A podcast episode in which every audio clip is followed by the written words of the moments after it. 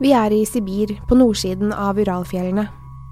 En gruppe på ti forskere er på ekspedisjon midt på vinteren.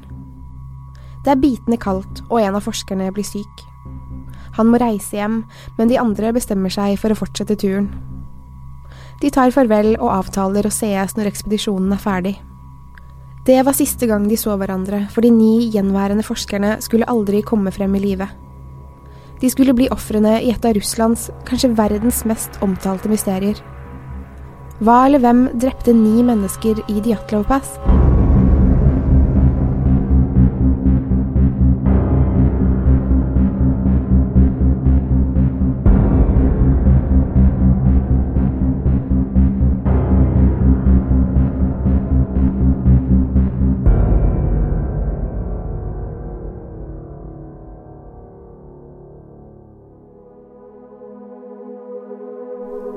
Forskere fra det uralske polytekniske instituttet i det gamle Sovjet skulle på en ekspedisjon mot Otortenfjellet.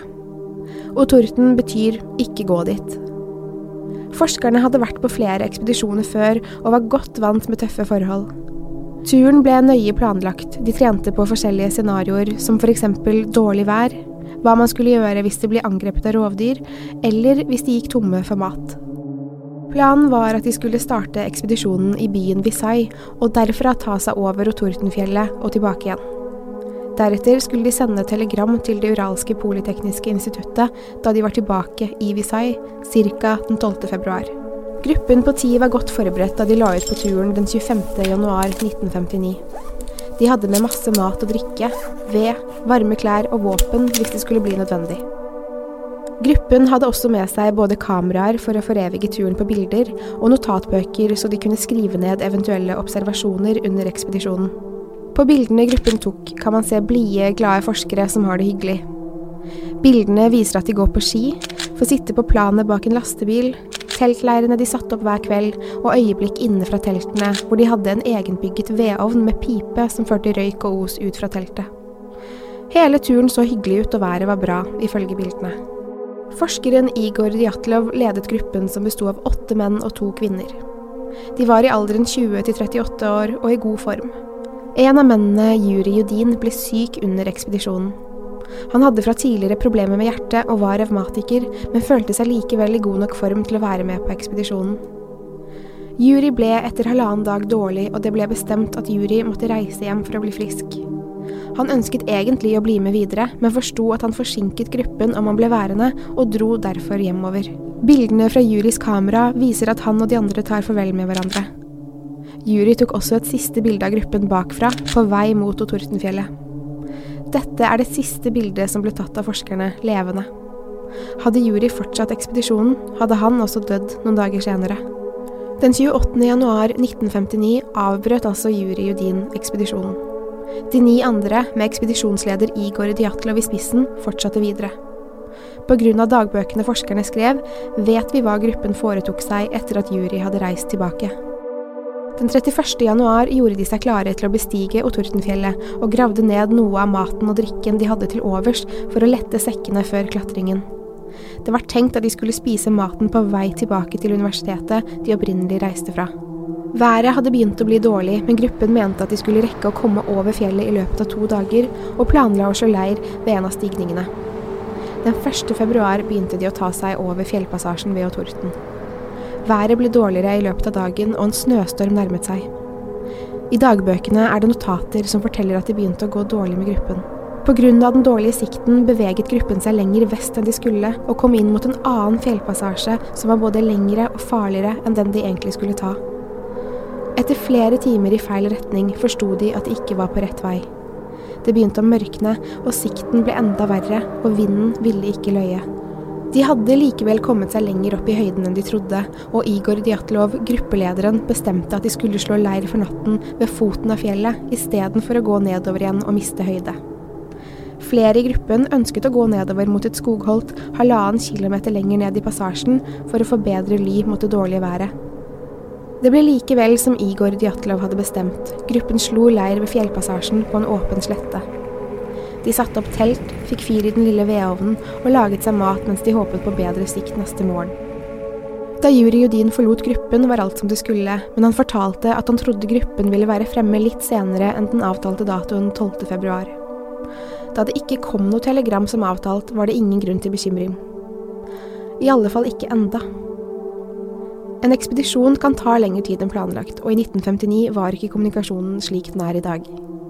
De kunne ikke ringe og si de ble forsinket. Dagene gikk, venner, kolleger og familiene til forskerne begynte å bli bekymrede. Den 20. februar begynte letingen etter gruppen, som på dette tidspunktet var meldt savnet. I de første letingene var det kun venner og kolleger som lette, men etter hvert ble både politi, lavinehunder og det sovjetiske militæret satt inn pga. de vanskelige forholdene i fjellet. Den 26. februar finner letemannskapene det forlatte teltet, delvis dekket av snø. Alle gruppens eiendeler lå igjen under teltduken. Soveposer, sekker, klær og mat. Skiene hadde de satt fra seg i snøen. Men forskerne var borte. Selve teltduken var skåret opp, innenfra med kniv.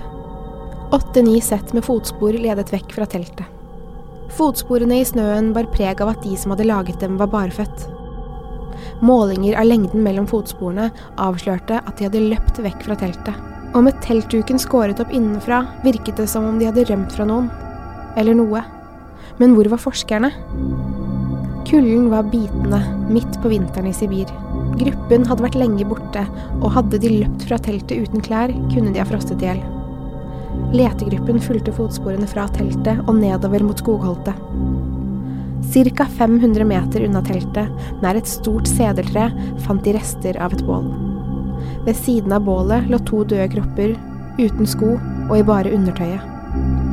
Sedertreet hadde skader helt opp til fem meters høyde, med ødelagt bark og knukkede grener, som om forskerne hadde forsøkt å klatre opp, kanskje i desperasjon. Ytterligere tre forskere ble funnet henholdsvis 300, 480 og 630 meter fra sedertreet. Også disse var tynnkledde. De så ut som om de hadde prøvd å løpe tilbake til teltet, men dødd i forsøket. Fem forskere var nå funnet omkommet, og det tok mer enn to måneder før de fire siste ble funnet, den 4. mai. De ble funnet under fire meter snø, ca. 75 meter forbi det lille skogholtet hvor de andre hadde dødd. De fire siste var bedre kledd enn de andre forskerne, og en av dem hadde et kamera rundt halsen. Filmen på kamera ble fremkalt, og de siste bildene viser store sirkler av lys. Ingenting annet. Så hva hadde skjedd med forskerne? Allerede samme dag som de første likene ble funnet, ble området sperret av på kommando fra det sovjetiske militæret. Obduksjonen av de første likene ga ingen svar på hvorfor forskerne hadde dødd. De hadde ingen skader som var forenlige med dødsfall, selv om én av forskerne hadde en slagskade i hodet. Skaden var ikke stor nok til å ha forårsaket verken forblødning eller knusning av hjernen. Rettsmedisinerne gikk ut fra at de døde av hypotermi, altså forfrysning. Den teorien kan forklare hvorfor de hadde så lite klær på seg, da symptomer på hypotermi gir følelsen av at kroppen brenner, og den som lider av det, føler en sterk trang til å kle av seg, selv om kroppen fryser og er nedkjølt. Hvis forskerne led av hypotermi og følte seg så varme at de trengte å kle av seg, hvorfor tente de da opp et bål? Det var ingen tegn på at de skulle varme mat på bålet, så hva var grunnen? Og hvorfor dro de ikke tilbake til teltet, som bare var 500 meter unna? Det var først da de fire siste likene ble undersøkt og obdusert, at man begynte å lure på hva som egentlig hadde skjedd. De fire siste likene ble som nevnt funnet under fire meter snø, med mer klær på enn de andre fem. De hadde kommet seg lenger unna teltet enn de andre, men skadene deres var så overraskende at teorien om at de døde av forfrysning ikke holdt. En av dem hadde massive knusningsskader på hodeskallen. Noen av dem hadde fått alle ribbena knust i småbiter og dødd av indre blødninger. De indre skadene var lignende de man får av et voldsomt bilkrasj, men de hadde nesten ikke ytre skader. Det kunne minne om at de var utsatt for et ekstremt høyt trykk, hvor de ble knust innenfra. En av de kvinnelige forskerne manglet tungen og øynene, og hadde store hudskader på hendene. Huden var på en måte blåst bort. Hun hadde også knusningsskader rundt øyebenene, hun var riktignok funnet med ansiktet ned i snøen rett ved en liten elv, men rettsmedisineren konkluderte med at dette ikke hadde noen innvirkning.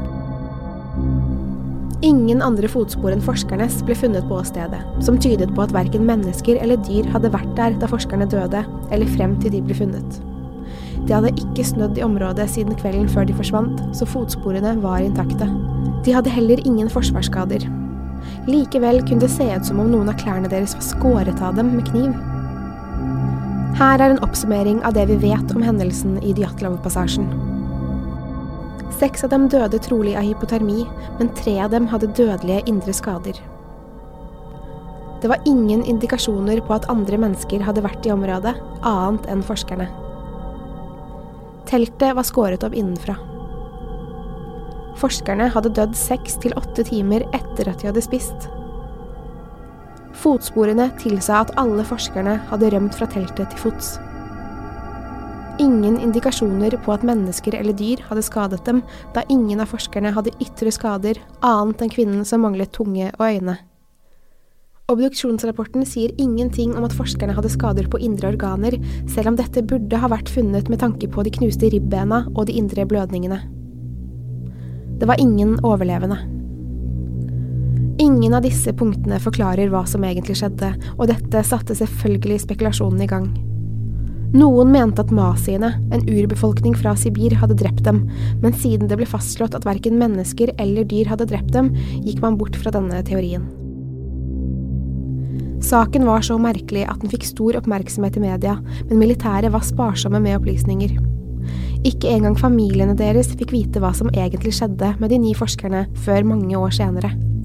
En ung mann som av ren nysgjerrighet var i begravelsen til flere av forskerne, uttalte at alle så ut til å ha aldret betraktelig. De var i alderen 20 til 38 år da de døde, men alle hadde gråhvitt hår og en merkelig gulbrun farge på huden. Huden var rynkete, og det så ut som om de var over 90 år gamle. To av forskernes klær var også radioaktive, men ikke de andres. Beboere i området, som riktignok bodde i hytter flere kilometer unna den såkalte Dyatlov-passasjen, rapporterte at de hadde sett sterke, grønnaktige lys ved fjellpassasjen samme kveld som forskerne angivelig døde. Andre sa at de hadde sett lyssirkler på himmelen. Militæret, som hadde sperret av området straks etter funnene, gikk ut i media og sa at forskerne døde av en sterk, ødeleggende naturkraft. Ingen trodde på dem, og de som hadde jobbet med saken, fikk forbud mot å snakke om saken med noen. En av dem som jobbet med saken, fikk sparken fordi han var for nøye med undersøkelsene sine og stilte for mange spørsmål. Han har senere uttalt at det var noe merkelig og skummelt med hele hendelsen, og at mye av det som ble funnet på åstedet, ble dekket over. Militæret sperret av området i flere år. Hva i alle dager dekket de over? Hva hadde skjedd med forskerne som gjorde at området ble sperret av, og hvorfor ville ingen i letegruppen snakke om hendelsen? Denne saken fortsetter å forbløffe også i dag. Teoriene er mange, noen mer ekstreme enn andre. Konspirasjonsteoriene florerer, den ene villere enn den neste. I neste episode snakker jeg om noen av teoriene, og frem til da vil jeg gjerne høre hva du tror skjedde den natten. Takk for at du har hørt på True Crime Poden.